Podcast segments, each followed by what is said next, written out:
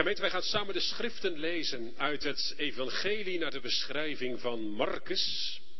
Het tweede hoofdstuk, de eerste twaalf versen.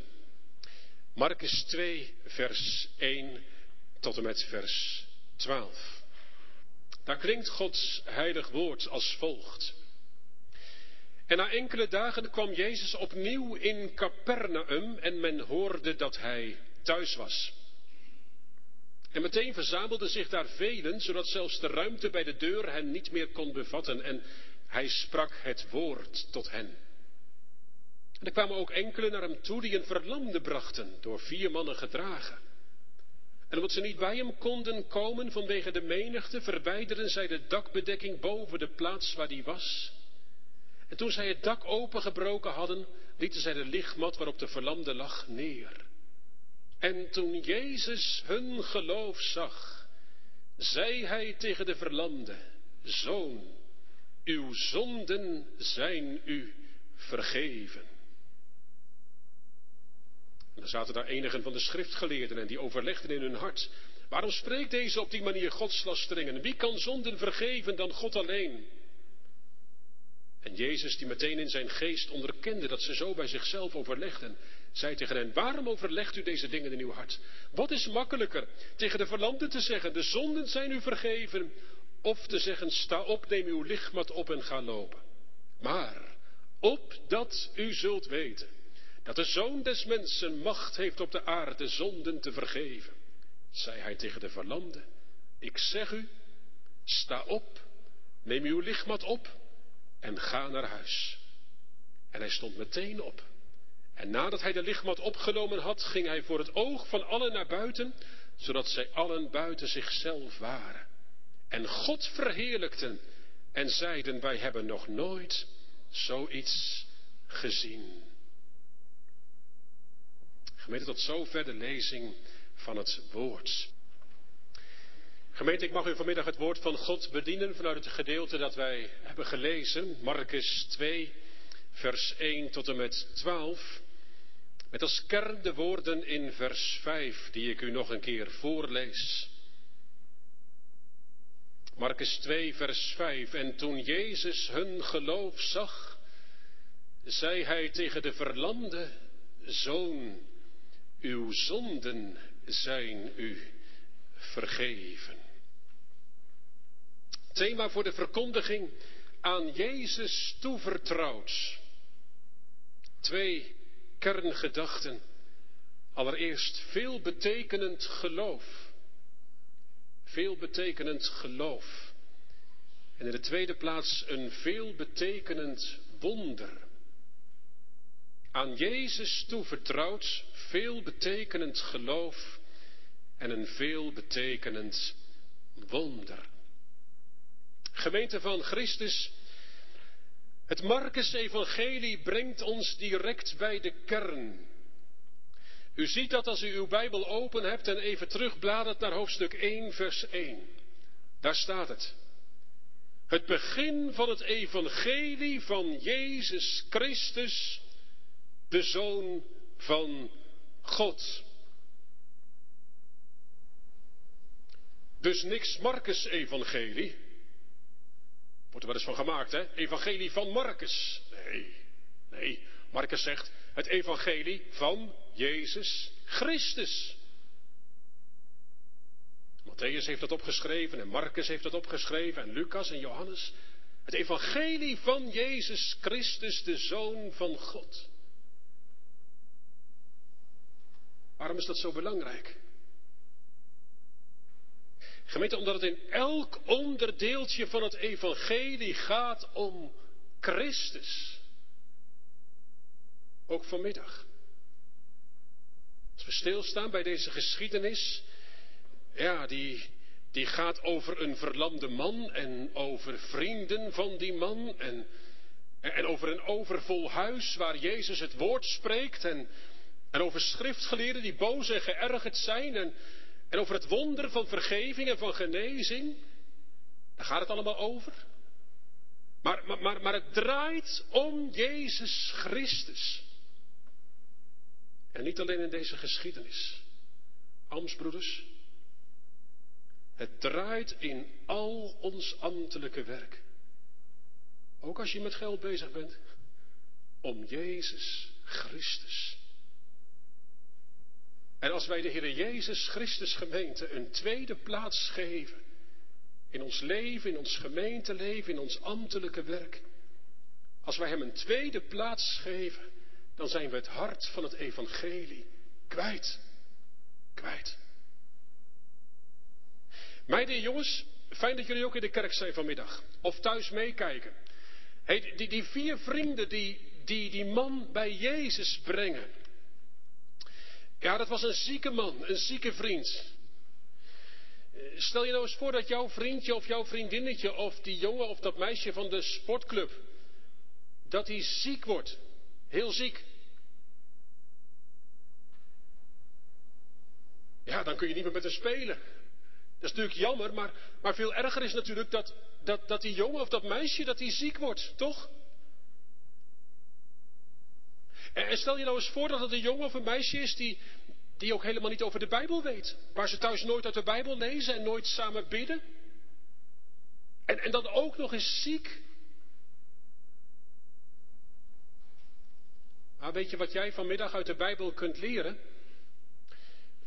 dat jij echt wel iets kunt doen voor dat zieke vriendje of vriendinnetje of klasgenootje of, of die van de sport, weet je wel.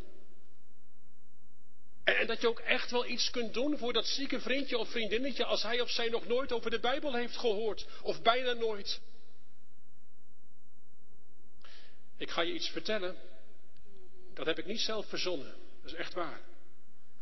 Van een meisje, ze is nu een jonge vrouw, ze verwacht haar derde kindje. En um, ik weet dat toen dat meisje ongeveer vier jaar was. Nou, jij bent waarschijnlijk al vijf of zo, hè? Of zes, of misschien ook wel vier. Maar, toen dat meisje vier jaar was, toen woonde ze tegenover twee meisjes, die ook ongeveer vier waren. En daar werd nooit uit de Bijbel gelezen. En die gingen nooit naar de kerk. En ze baden daar ook nooit. Die vader en moeder hadden dat ook nooit geleerd.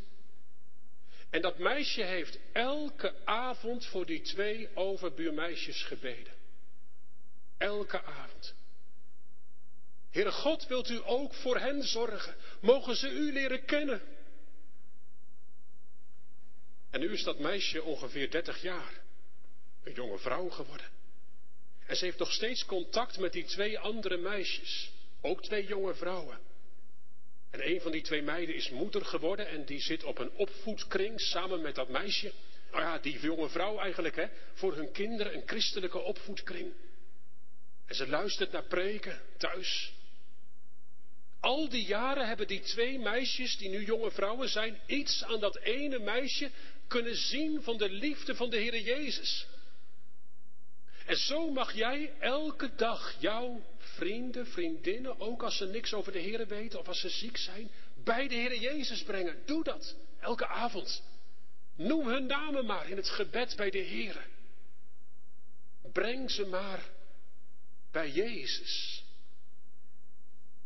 Nou, zoiets gebeurt namelijk ook hier in deze geschiedenis. Vier mensen brengen een verlamde man bij Jezus. Hij kan zelf niet lopen. En weet je wat de Heer Jezus doet? Hij vergeeft zijn zonde en hij geneest hem ook nog. Dat ook nog. Gemeente, Jezus is teruggekeerd in Capernaum. Blijkbaar heeft hij daar zijn thuis. Zo staat het er ook letterlijk in vers 1. Zijn thuis. Misschien had de Heer Jezus daar zelf een plek waar hij, waar hij als het ware een soort, uh, ja, een soort honk had. Waar hij weer terugkeerde steeds weer naar zijn rondwandelingen. Nou, in Marcus 1 wordt ons verteld dat Jezus daar is. In Marcus 1 al, in Capernaum. Daar heeft hij de schoonmoeder van Petrus genezen. En, en vele zieken kwamen toen al naar hem toe in dat huis en ze werden genezen. En nu in hoofdstuk 2 is Jezus weer terug in Capernaum. En de mensen weten hem te vinden. Marcus zegt in vers 2, meteen. Dat staat heel vaak in Marcus, hè, dat woordje meteen. Meteen, terstond, in de oude statenvertaling. Terstond, meteen weten ze hem te vinden. Gemeente, ongetwijfeld trok die wonderen die Jezus deed, trok dat veel mensen. Maar ehm, maar, toch is het heel opvallend wat Marcus zegt in vers 2. waarom kwamen die mensen nou allemaal naar, naar de Heer Jezus toe? Er komen namelijk zoveel mensen dat zelfs bij de deur geen ruimte meer is. Ze verdringen elkaar. Waarom? Nou ja, kijk maar wat er staat aan het eind van vers 2. En Jezus sprak het woord tot hen. Als je daar even over nadenkt, dan, ehm, dan maakten die mensen een goede keuze. Luisteren naar Jezus' woorden. Marcus heeft er al eer, meer over gezegd in het vorige hoofdstuk. Hebben we niet allemaal gelezen. Maar, maar daar staat dat de Heer Jezus als machthebbende onderwijs gaf. Niet zoals de schriftgeleerde. Als machthebbende. En in vers 38 van het vorige hoofdstuk gebruikt Jezus zelf het woord prediken. Hij zegt, daarvoor ben ik uitgegaan, vanuit de hemel gekomen, om te prediken. Om te prediken. En daarbij doet Jezus dan wonderen. Ja, als teken van zijn messiaschap. Gemeente, houd dat meteen maar vast. Hè. In het laatste vers van het Marcus-evangelie staat dat ook letterlijk. De Heere werkte mee en bevestigde het woord door tekenen. Dus die tekenen, die wonderen, die bevestigden het woord. Gemeente, het heeft ons iets te zeggen. Jezus kwam om te prediken. En hier staat, hij sprak het woord tot hen. En als Jezus spreekt, dan moet je er zijn. Dan moet je er zijn. Niet naar Jezus toe gaan om zijn woord te horen, betekent je onttrekken aan datgene waartoe hij nou juist gekomen is. Daartoe ben ik uitgegaan, zegt Jezus, om te prediken. En dat prediken doet hij ook vandaag hoor. Door de mond van zijn dienaren heen. Niet die dienaren, niet die dominees, maar, maar, maar is de Heer degene die, die tot ons predikt, spreekt, tot ons komt in de verkondiging van het evangelie. God wil je ontmoeten. Door de prediking wil hij zalig maken wie in hem geloven. Maar dan moet je er zijn toch, s'morgens, smiddags. Laat het niet zo zijn, jongeren of misschien wel ouderen, Laat het niet zo zijn wat die moeder ooit zei tegen haar zoon toen ze uit de kerk terugkwam. En tegen haar zoon zei, joh, joh, de Heere Jezus was er, maar jij was er niet. Zoek Jezus te horen elke keer als je de kans krijgt. Nou gemeente, dat is de achtergrond van deze geschiedenis. En zo begint het dan ook in vers 2. Jezus sprak het woord tot hen. Maar terwijl hij dat doet, gebeurt er wat. En, en er komt vaart in het verhaal. Eh, u ziet dat zo niet terug in onze vertaling, maar in het Grieks wordt een werkwoordsvorm gebruikt die dat benadrukt. Eerst staat er steeds een verleden tijd, toen gebeurde dat en toen gebeurde dat en toen gebeurde dat. En in vers 3 opeens wordt er een tegenwoordige tijd gebruikt. Alsof je er als ooggetuige bij staat. Je ziet het voor je ogen gebeuren. En bij Marcus is dat plotseling al extra benadrukt door steeds dat woordje meteen. Er gebeurt iets. Zie je het voor je, jongens, meiden? Daar komen vier mannen aanlopen. Met in het midden een soort draagbaar, een, een lichtmat staat er. Ja, daar ligt die verlamde man op. Hij kan zelf niet lopen. Hij wordt gedragen. En dan komen ze bij het huis waar Jezus is. Maar, maar ze kunnen er met geen mogelijkheid langs. Alles staat vol. Zelfs bij de deur is geen ruimte meer. En niemand wil aan de kant. Ze kunnen niet bij hem komen, staat er in vers 4. Ja, wat moet je dan? Dan maar weer terug, toch? Volgende keer beter, vriend. We proberen het nog wel een keer. We kunnen er niet bij. Ze konden niet bij Jezus komen, vers 4. Maar gemeente, voor het geloof is geen ding onmogelijk. Alle dingen zijn mogelijk bij God. In Marcus 11 klinkt dat het de Heer Jezus dat zegt tegen zijn discipelen. Heb geloof in God. Er zijn geen grenzen aan Jezus' macht. Voor elk die wonderen van Hem verwacht. Ja, wie Hem aanraakt, ervaart Zijn kracht. Er zijn geen grenzen aan Jezus' macht. Jongens en meiden, weet je wat ze doen? Nou, je weet het wel, hè? Ze klimmen het dak op. Ja, dan moet je wel even bedenken, dat waren platte daken. En niet zoals de meeste huizen bij ons, zo van die schuine daken. Nee, platte daken, hè? zo plat. En dan konden ze zo naar boven klimmen aan de zijkant, dan konden ze boven op het dak lopen. En wat deden ze? Ze luisterden goed waar de Heer Jezus was. En, en precies boven waar de Heer Jezus was, maken ze een gat in dat dak. Zodat ze hun, hun vriend erdoor kunnen laten zakken. Precies voor de voeten van de Heer Jezus. En dan staat er iets bijzonders, gemeente. Iets wat je ook bij Matthäus leest en ook bij Lucas. Vers 5. En toen Jezus hun geloof zag. Hun geloof. Nee, die mannen vragen niks. Je hoort geen woorden, ze zeggen niks. Die verlamde man zegt ook helemaal niks, althans er wordt niks over geschreven. Maar Jezus merkt hun geloof op. Gemeente, nou kun je van alles gaan invullen, dat gebeurt soms ook wel. Over wat die verlamde man heeft meegemaakt en wat hij misschien allemaal wel gedacht heeft en niet gedacht heeft. En, en wat hij wel gewild heeft en niet gewild heeft. En misschien wel tegen zijn vrienden. Ach, gemeente, alles pure speculatie. Er staat niks over. Er staat niks over. Ze laten die verlamde man voor de voeten van Jezus zakken. En er staat, en Jezus zag hun geloof. En als u zegt, wat geloofden ze dan? Nou, dat kunt u terugvinden in hoofdstuk 1, vers 14 en 15. Daar staat, geloof het evangelie. Het evangelie. De blijde boodschap.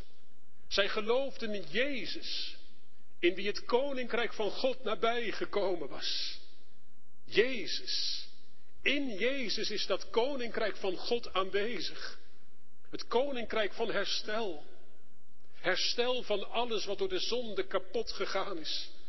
Vergeving, maar ook genezing.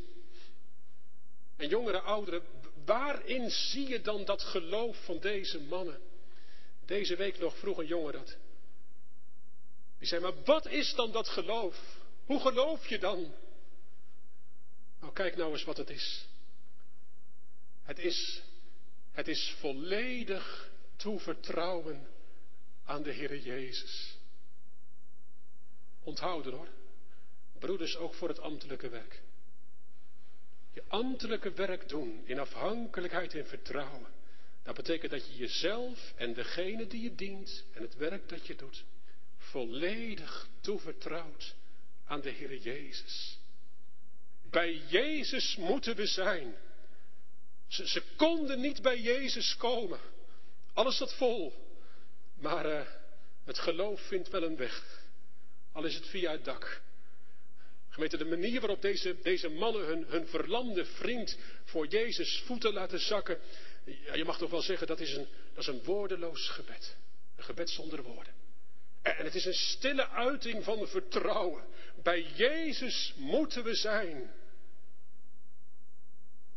En gemeente, hoezeer dat ook betekenis heeft, veel betekenend geloof, er is ook een andere kant en ik moet u daar ook op wijzen.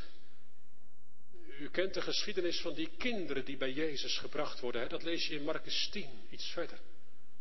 Die kinderen die ook bij Jezus gebracht worden, maar dan gebeurt er iets anders. Dan zijn er discipelen, broeders notabene, ik zit naast jullie op de stoel. Dan zijn er discipelen die die kinderen tegenhouden.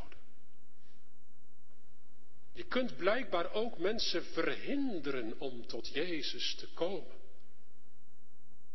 Je kunt ze brengen zoals die vrienden doen. Maar je kunt ze ook tegenhouden. Althans, je kunt het proberen. Hoe kan dat dan? Nou, dat kun je doen door woorden. Vaders, moeders, of als ambtsdrager, of als dominee, dat je zegt, ja, maar je denkt toch niet dat je zomaar bij Jezus kunt komen? Eens kijken wat jij allemaal gedaan hebt. Dat kan niet hoor. Moet je eerst. Oh ja. Kan ook door je houding, hè?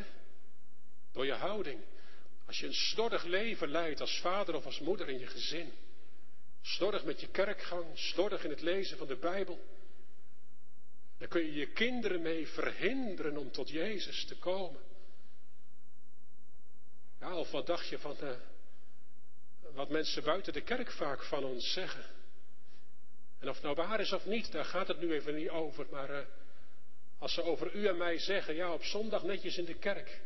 Zelfs nog wel in het zwarte pak soms. Dan moet je eens kijken hoe het door de week gaat. Je kunt mensen verhinderen om tot Jezus te komen. Door je levenshouding. Door je levensweg. Ah, je kunt mensen ook brengen bij de Heer Jezus. Hè? Je kunt kinderen bij de Heer Jezus brengen. Als vaders, als moeders. Als je werkt op de zondagschool, als je daar wat doen mag op de club, hè. Biddend kinderen tot Jezus brengen. En, en wees ervan verzekerd, gemeente Marcus 10. Jezus omarmt hen, legt de handen op hen, zegent hen. Nou ja, dat gebeurt ook hier in onze geschiedenis. In geloof brengen die mannen hun vriend bij Jezus. Ze vertrouwen hem aan Jezus toe, aan Jezus toevertrouwd, weet u. Hoe het ook uitpakt, hij kan en wil en zal in nood, zelfs bij het naderen van de dood, volkomen uitkomst geven. Misschien denk jij vanmiddag, ja maar, kan mijn geloof dan anderen helpen? Nou, gemeente, ik zou het wel denken. Ik zou het wel denken. Dat is de verkondiging van dit vijfde vers. Jezus ziet uw geloof als u, als u uw dierbare bij Jezus brengt. Als je op bezoek gaat, ouderling of als diaken, met troostrijke woorden uit de schrift. En als je bidt, als je bidt voor degene die je bezoekt. En Jezus hun geloof ziende, onderschat het niet. Onderschat het niet. Als je de ander toevertrouwt aan Jezus. Gemeente, misschien zijn uw kinderen wat ouder geworden. En zijn ze bij de Heer Jezus vandaan gegaan. Misschien kun je ze nauwelijks meer bereiken op geestelijk gebied. Misschien je kleinkinderen. Misschien ben je zelf pas later tot geloof gekomen en moet je eerlijk zeggen dat je het in de opvoeding erbij hebt laten zitten. Misschien denkt u wel vanmiddag aan gemeenteleden die er vroeger altijd waren. En u zegt, ze zijn er niet meer. Ze zijn er niet meer. Misschien zijn er wel onder ons die zeggen, ja mijn ouders. Dominee moest eens weten, maar ik merk aan ze dat ze eigenlijk niks doet. Ja, pa gaat soms nog wel mee naar de kerk, maar het doet ze niks. En als in jouw hart dan iets van vuur ontbrand is voor de Heer en voor zijn dienst, dan zullen je ouders of je opa en oma maar in het ziekenhuis terechtkomen ernstig ziek worden. Kom, laat dit woord eens binnenkomen vanmiddag. En toen Jezus hun geloof zag, zei hij tegen de verlamden. Gemeente, wanneer je je geliefden toevertrouwt aan de Heer Jezus, zal dat niet zonder gevolgen zijn. Draag die ander op je hart. Mag ik het zo zeggen? Sleep die ander maar naar boven met je gebeden. Jonge mensen, je ongelovige vrienden, breng ze bij Jezus. Ouders, breng je kinderen bij Jezus. Breek door alle tegenstand heen en leg ze aan de voeten van de Heer Jezus. Elke dag opnieuw. Vertrouw ze aan Hem toe. Ook je kleine kinderen. Zelfs het ongeboren leven, de vrucht in de moederschoot. O, de doop van onze kinderen, gemeente, is het machtige teken dat God werkelijk onze kinderen vergeving schenken wil. Uw kinderen zijn welkom bij de Heer Jezus. Gemeente, wat een reden om hoop te hebben vanmiddag. Hoe donker het ook kan lijken. Je mag degene die je zo lief hebt of die aan je zorgen zijn toevertrouwd, je mag ze bij de Heer brengen in de zekerheid dat Hij zich ontfermt. Je kunt het rustig aan Hem overlaten. Gemeente, heeft dit ook niet veel te betekenen, zo dacht ik van de week voor het functioneren van ons als gemeente. Ook als ambtsdragers, broeders, ik zei het net al. Ik bedoel hoe we als gemeente elkaar dragen. Juist ook in tijden van ziekte, tegenspoed, kruis. Als gemeente worden we geroepen om onze zieken in geloof bij de Heer Jezus te brengen. God doet grote wonderen. Er zijn geen grenzen aan Jezus' macht. En begrijpt u mij goed vanmiddag? Dat betekent niet dat iemand altijd geneest of herstelt. Daar is de Bijbel heel duidelijk over. Om niet meer te noemen één voorbeeld. Paulus schrijft ergens, nou ja, Paulus nota bene. Die zegt dat hij zijn medewerker Trofimus ziek moest achterlaten. Dan denk je, Paulus man, had er toch even wat... Nee, hij bleef ziek. En dat lees je veel vaker in de Bijbelgemeente. Daar moet je eerlijk en ook nuchter in zijn. Maar dit blijft wel staan. Als iemand door ons als gemeente, als die aan de voeten van de Heer Jezus wordt gelegd, als we samen bidden, ook op zondag hier in de kerk, maar ook als je het persoonlijk doet, dan zal dat niet zonder gevolgen zijn. Jezus ontfermt zich, hoe dan ook. En het rijkste dat een zieke kan ontvangen, ja toch, is dat hij vrede met God ontvangt. Vrede met God zelfs op het ziekbed. Veel betekenend geloof. Maar gemeente, er is nog iets in dit gedeelte. Er is ook sprake van een, van een veelbetekenend wonder. Want er gebeurt iets opvallend. Jongens, meid, als je nog even met me meedenkt, iets wat je toch niet zou verwachten. Want die man die ligt op dat bedje en ze laten hem door het dak zakken. En wat zou je dan denken dat de Heer Jezus doet? Ja, natuurlijk, die man die wil genezen worden. Ja, toch? Maar wat zegt Jezus? Jouw zonden zijn jou vergeven. Hé, hey, waarom geneest hij die man niet meteen? Later doet hij dat wel, hè, dat weet je. Waarom niet meteen? Die man wilde toch graag genezen worden? Waarom eerst iets over die zonden, over die vergeving? Ja, het staat er weer niet bij, hè. Ik weet niet wat die man gedacht heeft. Misschien dat hij wel even geschrokken is, dat hij dacht van, ja, maar daar kom ik niet voor. Ik wil genezen worden. Of kwam hij misschien wel daarvoor? Ik weet het niet. Maar Jezus zegt eerst iets over, over zondevergeving. Gemeente, Jezus koerst aan op, op de diepste nood van deze man. En dat heeft ons vanmiddag opnieuw iets te zeggen. Nee, het is echt niet zo dat Jezus de ziekte bagatelliseert. Alsof het er niet toe doet. Vergeving en genezing, gemeente, dat hoort allebei bij het werk dat Jezus kwam doen. Jazeker, jazeker.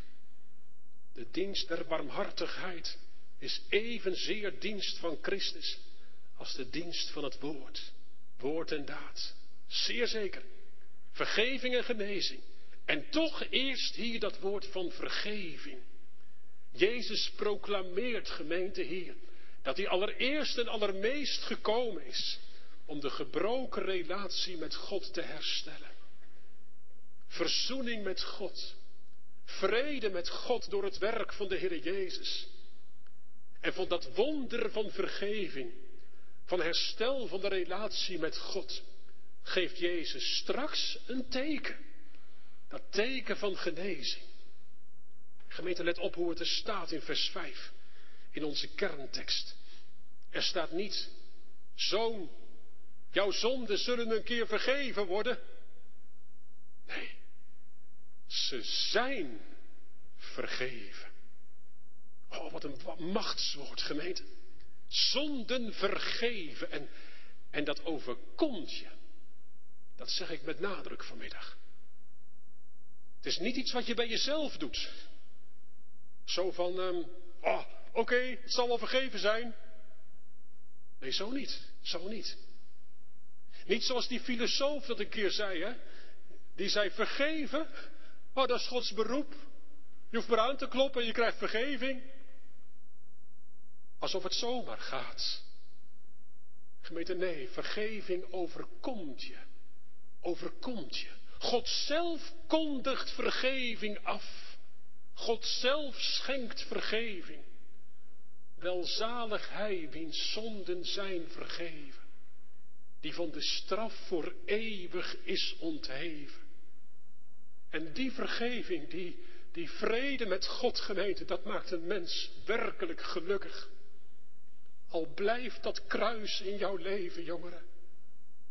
Al blijft u worstelen met die ziektenood, met die psychische pijn, met die gebrokenheid in je leven. Maar wat is nou rijker, wat is dieper dan dat jij, dat u, dat onze ziekengemeente, zelfs op je ziek of sterfbed, vrede met God mogen ondervinden. Zoals deze man vergeving uit Jezus mond, dan ben je veilig.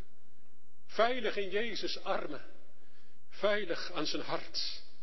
Want als hij het dan zegt, dan is het ook vast en zeker. Uw zonden zijn vergeven. Jezus spreekt met goddelijke autoriteit. Hij is God zelf. Uw zonden zijn u vergeven. Gemeente, vergeving is de gave. Ja, ik moet zeggen, de gave van Gods koninkrijk. God zelf schenkt vergeving, maar nooit goedkoop. Hij heeft de prijs betaald. De duurste prijs. Met zijn kostbaar bloed. Hier, als Jezus dat zegt in Marcus 2, wil je het goed bedenken, is hij onderweg naar het kruis. Jezus bewandelt een kruisweg die uitloopt op Golgotha. En alleen omdat Jezus zelf die weg heeft uitgelopen, helemaal heeft doorlopen, daarom kan Hij in Gods naam vergeving toezeggen. Schenken moet ik zeggen. Maar gemeente, wat komt er tegenop? Niet weinig. Dat zie je hier in deze geschiedenis. Want als Jezus in Gods naam vergeving toezegt, dan, dan ontstaat er verzet. U kunt dat zien hoor, ik lees het u voor. Het, het, wordt eerst nog niet openlijk uitgesproken, maar het groeit wel. Kijkt u maar mee in vers 6 tot en met 8. Er zaten sommigen van de schriftgeleerden en die overlegden in hun hart. Waarom spreekt deze op die manier godslastering? Wie kan zonden vergeven dan God alleen? En Jezus, die meteen in zijn geest onderkende dat ze zo bij zichzelf overlegden, zei tegen hen, waarom overlegt u deze dingen in uw hart? Ziet u wat er gebeurt? Jezus heeft exact in de gaten wat er in de gedachten van die schriftgeleerden omgaat. Jezus is God, hartekenner. En gemeente, het woord dat hier gebruikt wordt voor overleggen in je hart, dat wordt in het Nieuwe Testament eigenlijk altijd negatief gebruikt. Boosaardig plannen smedend, berekenend overleggen. Er brandt verzet, een verzet dat zich doorzet. En als u meekijkt in uw Bijbel, dan kan ik het u aanwijzen. Want hier gemeente in deze geschiedenis, in vers 6 en 7, daar denken ze het alleen nog, hè? ze spreken het nog niet uit. Maar moet u eens kijken in vers 16, daar zeggen ze het hardop. Ze zeggen, waarom eet en drinkt hij met tollenaars en zondaars? Dat verzet, dat groeit. En als je dan nog verder kijkt in je Bijbel, dan zie je dat er drie keer een confrontatie is. Eerst over vasten, en dan over de Sabbatviering, en dan over een genezing van een man met een verschrompelde hand. En dan geweten, dan wordt het verzet zo heftig. Hoofdstuk 3, vers 6. Toen de fariseeën weggegaan waren, beraadslaagden zij meteen met de Herodianen tegen Jezus hoe ze hem om zouden kunnen brengen. Gemeente, heel aangrijpend. Wees gewaarschuwd vanmiddag. Als je je eenmaal verzet tegen Jezus, al is het in je gedachten. Als je weigert je in de weg van geloof en bekering aan Hem te onderwerpen dan is het gevaar levensgroot. Dat je meer en meer je tegen Hem gaat panseren. En als God het niet verhoedt, dan ga je door op die weg. En dan is er geen weg meer terug. Jezus gaat hier de weg van het kruis in Marcus 2. En die weg van het kruis betekent het oordeel over alles en iedereen die denkt Jezus niet nodig te hebben. Als je denkt zonder Jezus zalig te kunnen worden. Kom gemeente, wie heeft Jezus nodig? In vers 17 zegt Jezus, als je gezond bent heb je geen dokter nodig, maar als je ziek bent. Ik ben niet gekomen om rechtvaardigen tot bekering te roepen, maar zondaars. Wie heeft Jezus nodig? Hebt u? Heb jij Jezus nodig? Zal ik het vragen? Of je even gaat staan als je Jezus nodig hebt? Ik zal het niet vragen. Maar God vraagt het u wel. Heb je Jezus nodig? Als de zaligmaker. Omdat je zonder Hem, zonder Zijn verlossende genade, niet meer kunt leven en niet kunt sterven. Ah, zelfs als je zou moeten zeggen vanmiddag, misschien moet je dat wel zeggen, heel eerlijk, ook als je thuis meekijkt. Misschien moet je wel zeggen, nou als ik eerlijk ben, als ik eerlijk ben, is het gepantserd hier van binnen. Maar je zou denken dat de Heer Jezus die schriftgeleerde meteen wegstuurt, toch? Had hij kunnen doen, hè? Wat overdenken jullie allemaal in je hart? Ga weg hier, ga weg. Doet Jezus niet. Doet Jezus niet. Als u of jij nu met je rug naar God toestaat, in de praktijk van je leven, weet je wat Jezus doet? Hij nodigt je uit. Ja, Hij nodigt je uit. Hij doet een appel op je. Hij zegt in vers 10, opdat je zult weten. Even in mijn woorden gezegd. Kijk nu. Let nu op, alsjeblieft. Doe je ogen open. Dan zul je met je eigen ogen zien dat ik, de zoon des mensen, dat ik macht heb om jouw zonde te vergeven. Kijk, jonge mensen, tegen iemand zeggen je zonden zijn vergeven. Ja, dat is niet zo moeilijk. Je kunt het nooit bewijzen, toch? Jezus kan het wel wel zeggen, maar, maar is het ook echt zo? Die schriftgeleerden geloven er niks van. En dan vraagt Jezus, wat is nou makkelijker? Wat is nou makkelijker? Tegen iemand zeggen, je zonden zijn vergeven? Of tegen een lamme zeggen, sta op en wandel? Ah, dat tweede is natuurlijk veel moeilijker. Want dat kan iedereen controleren. Of die man ook echt kan gaan staan. Of die echt genezen is.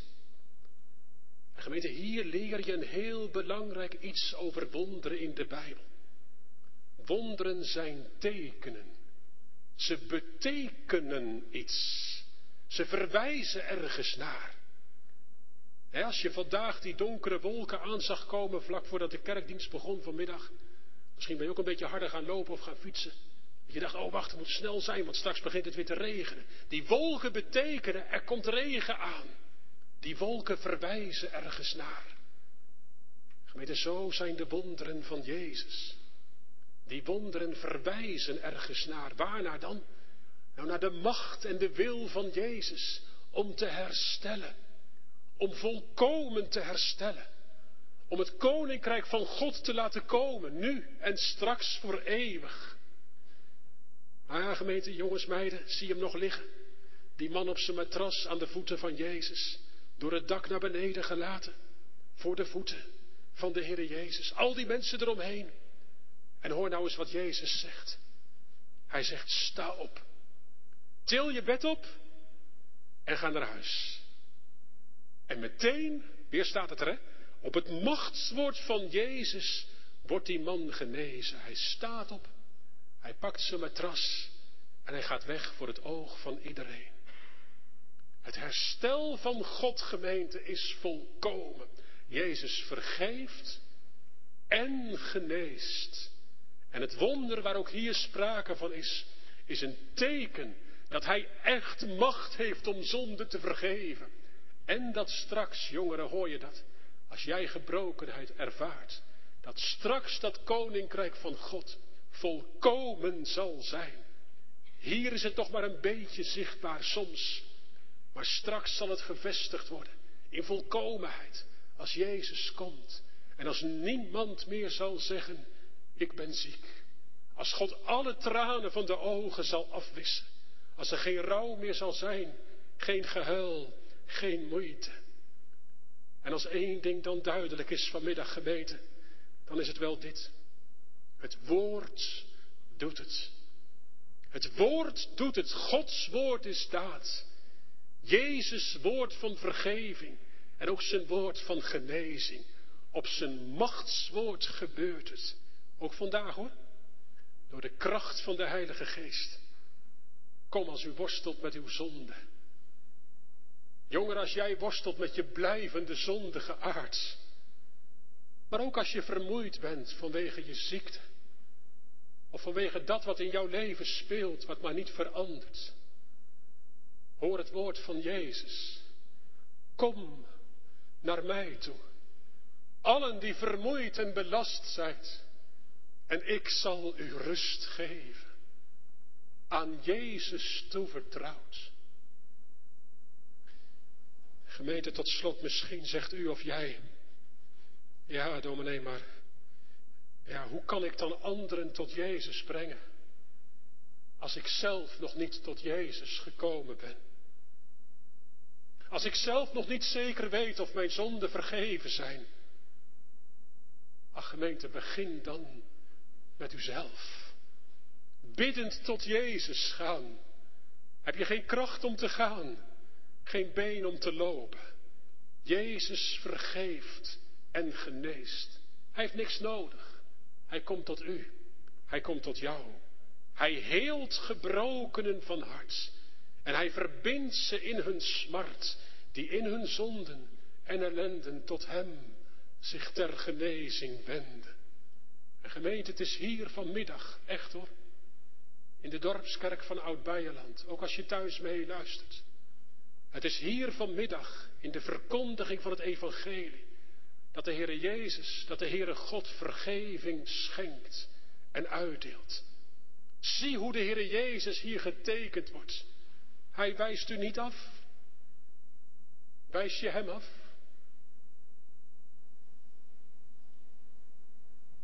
Zal toch niet zo zijn vanmiddag? Wijs je hem af? Als de enige in jouw leven die, die vrede geeft. Vrede door het bloed van het kruis. Kom, vertrouw je aan hem toe. Want wie zich vanmiddag aan Jezus toevertrouwt, hier en nu, die mag en die moet het horen. Zoon, dochter, uw zonden zijn u vergeven. Amen.